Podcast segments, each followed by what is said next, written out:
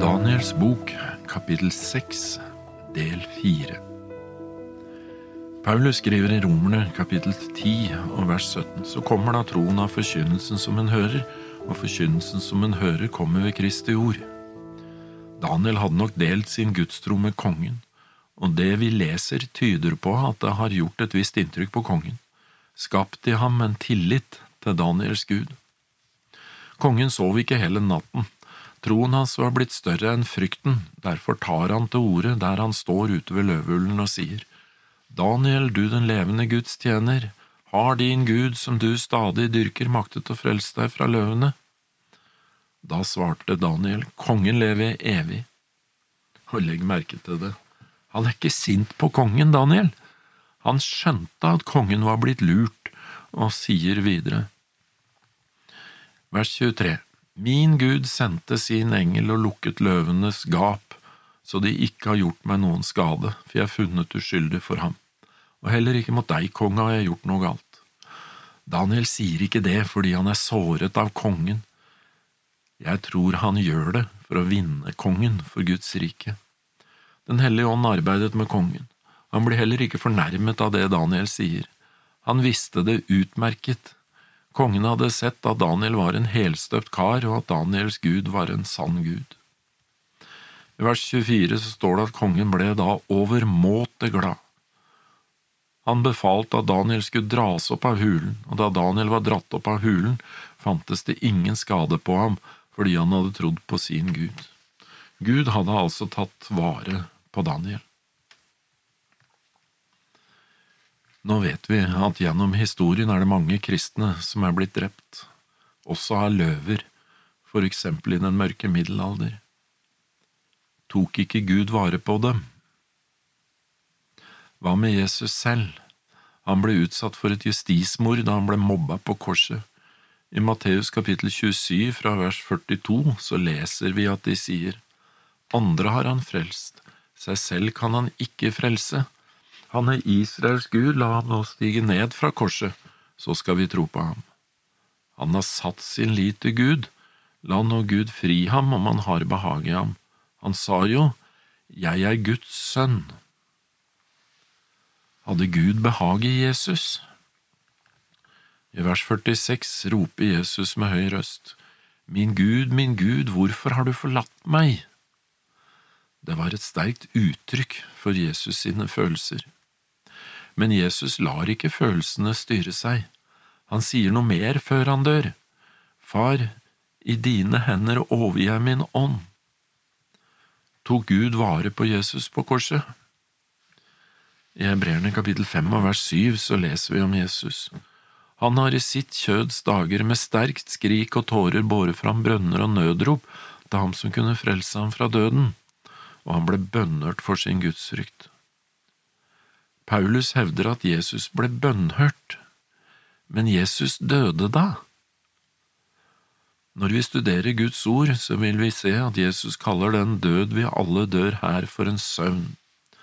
Jesus ble ikke spart for det, han døde på korset. Han døde for din og min synd. Dersom vi nå går tilbake til Edens hage, så hadde Gud sagt, du finner det i første Mosebok, kapittel 2, fra vers 16. Og Gud, Herren, bød mennesket hvert tre i hagen kan du fritt ete, men treet til kunnskap om godt og ondt må du ikke ete av det, for den dag du eter av det, skal du visselig dø.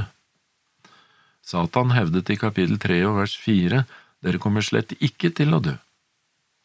Hvem hadde rett? Ved første øyekast kan det se ut som om Satan hadde et poeng, for Adam og Eva de døde ikke med en gang, men de begynte å dø, og en dag så sovnet de inn. Jesus kaller den død vi dør her i verden for en søvn. Du ser det da han vekker Lasarus opp fra de døde i Johannes kapittel 11. I Efeserne kapittel 2 og vers 1 så står det også dere har han gjort levende, dere som var døde ved deres overtredelser og synder. La du merke til det? Så når Adam og Eva syndet, det som umiddelbart døde, var forholdet til deres Gud. De var døde i synd.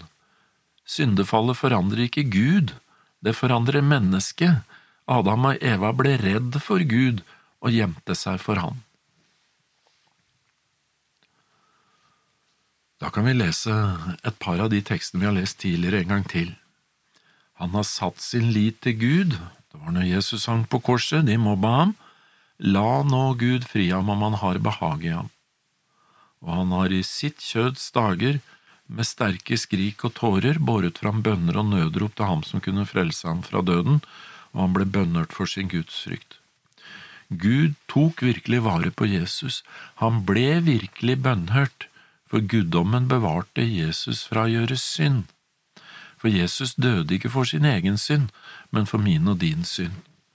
Hadde Jesus steget ned fra korset, så hadde det ikke vært så mye vits i å tro på ham. Jesus døde på korset for deg og meg, for å sone for vår synd, men også for å gi oss et nytt liv. For det handler ikke bare om korset, for det er også en oppstandelse. Jesus sto opp fra de døde, og den samme kraft som reiste han opp fra de døde, ønsker han også å bruke for å reise deg og meg også opp fra synd og last, her og nå. Og til sist, da han kommer tilbake andre gangen, så vil han vekke opp alle de som har trodd på ham, men som hadde sovnet inn, og som hviler i graven. Jesus hadde valgt å bli gjort til synd, han døde for oss. Sitt liv, det ga han til oss, slik at lovens krav kan bli oppfylt i oss, slik vi leser i Romerne kapittel åtte vers fire. Vi kan bli gjort til rettferdighet. Hvor mange er det ikke som tror at de skal bli frelst ved Jesus sin død, samtidig som de ikke tror at hans oppstandelse kan reise dem opp fra et liv i synd? Når du velger Jesus, når du bestemmer deg for å være lydig, da kan du overlate konsekvensene til Gud, og han vil ta vare på deg.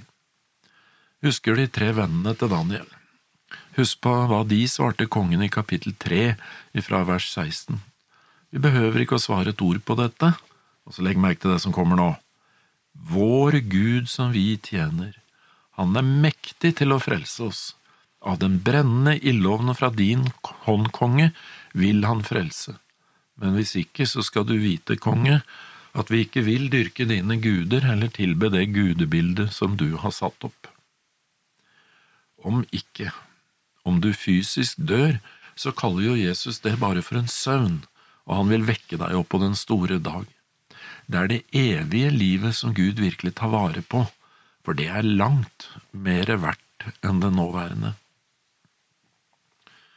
I vers 25 så står det da befalte kongen at de menn som hadde anklaget Daniel skulle hentes. De ble kastet i løvehulen sammen med sine hustruer og barn, og før de nådde bunnen i hulen, kastet løvene seg over dem og knuste alle deres ben. Kongen åpenbarer her at han hadde et stykke igjen å gå før han kjente Gud fullt ut. Som kristen hevner du deg ikke. Da overlater du heller hevn til Gud så slipper du å bli senket ned på motstanderens nivå og bli som han. Det er alltid feil når vi prøver å leke Gud og utøve rettferdighet. Overlat dine fiender til Gud. Det vil løslate deg selv ifra bitterhet. Men det er også en sannhet, nærmest en profeti, som også ligger her i teksten vår. Vi har et ordtak som sier den som graver en grav for andre, faller ofte i den selv. I Esters bok finner du historien om uh, Haman. Han ville rydde Mordekai av veien. Han fikk lagd en galge som var over 20 meter høy, som han ville henge Mordekai i, men Haman ble hengt i den selv. Det var de som kastet de tre vennene til Daniel inn i ildovnen som omkom i kapittel tre, og det var de som lagde komplottet mot Daniel her i kapittel seks som omkom i løvehulen. Satan var misunnelig på Jesus, han ville rydde Jesus bort, men den som til sist blir ryddet bort i denne verdens siste time, før Jesus skaper en ny himmel og en ny jord, er Satan selv. I vers 26 så står det, deretter skrev kong Darius til alle folk etter og tungemål som fantes på hele jorden, fred og fremgang for alle. Nå er han på rett spor. Jeg gir hermed det påbudt at alle folk i hele mitt kongerikes område skal skjelve og frykte for Daniels Gud, for han er den levende Gud og blir i evighet. Hans rike ødelegges ikke, og hans herredømme varer inntil enden. Ja, så, så kom det en katastrofe allikevel, da. For kongen vil hjelpe Gud, og han utsteder religiøse lover. men vi kan ikke sette oss i Guds sted og påby andre å tenke som oss, eller frykte og skjelve for din Gud. Det er ikke sann gudsfrykt, det er maktmisbruk.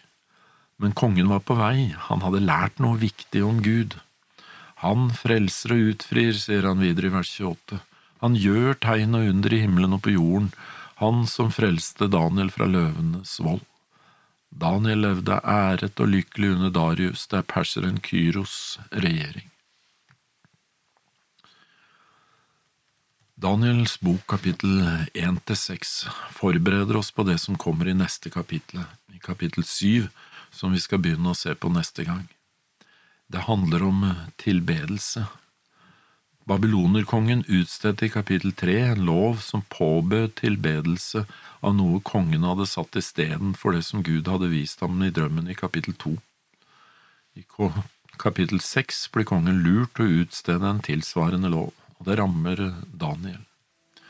Historien vil ifølge Åpenbaringens bok gjenta seg i endetiden. Men det skal vi se mer på neste gang.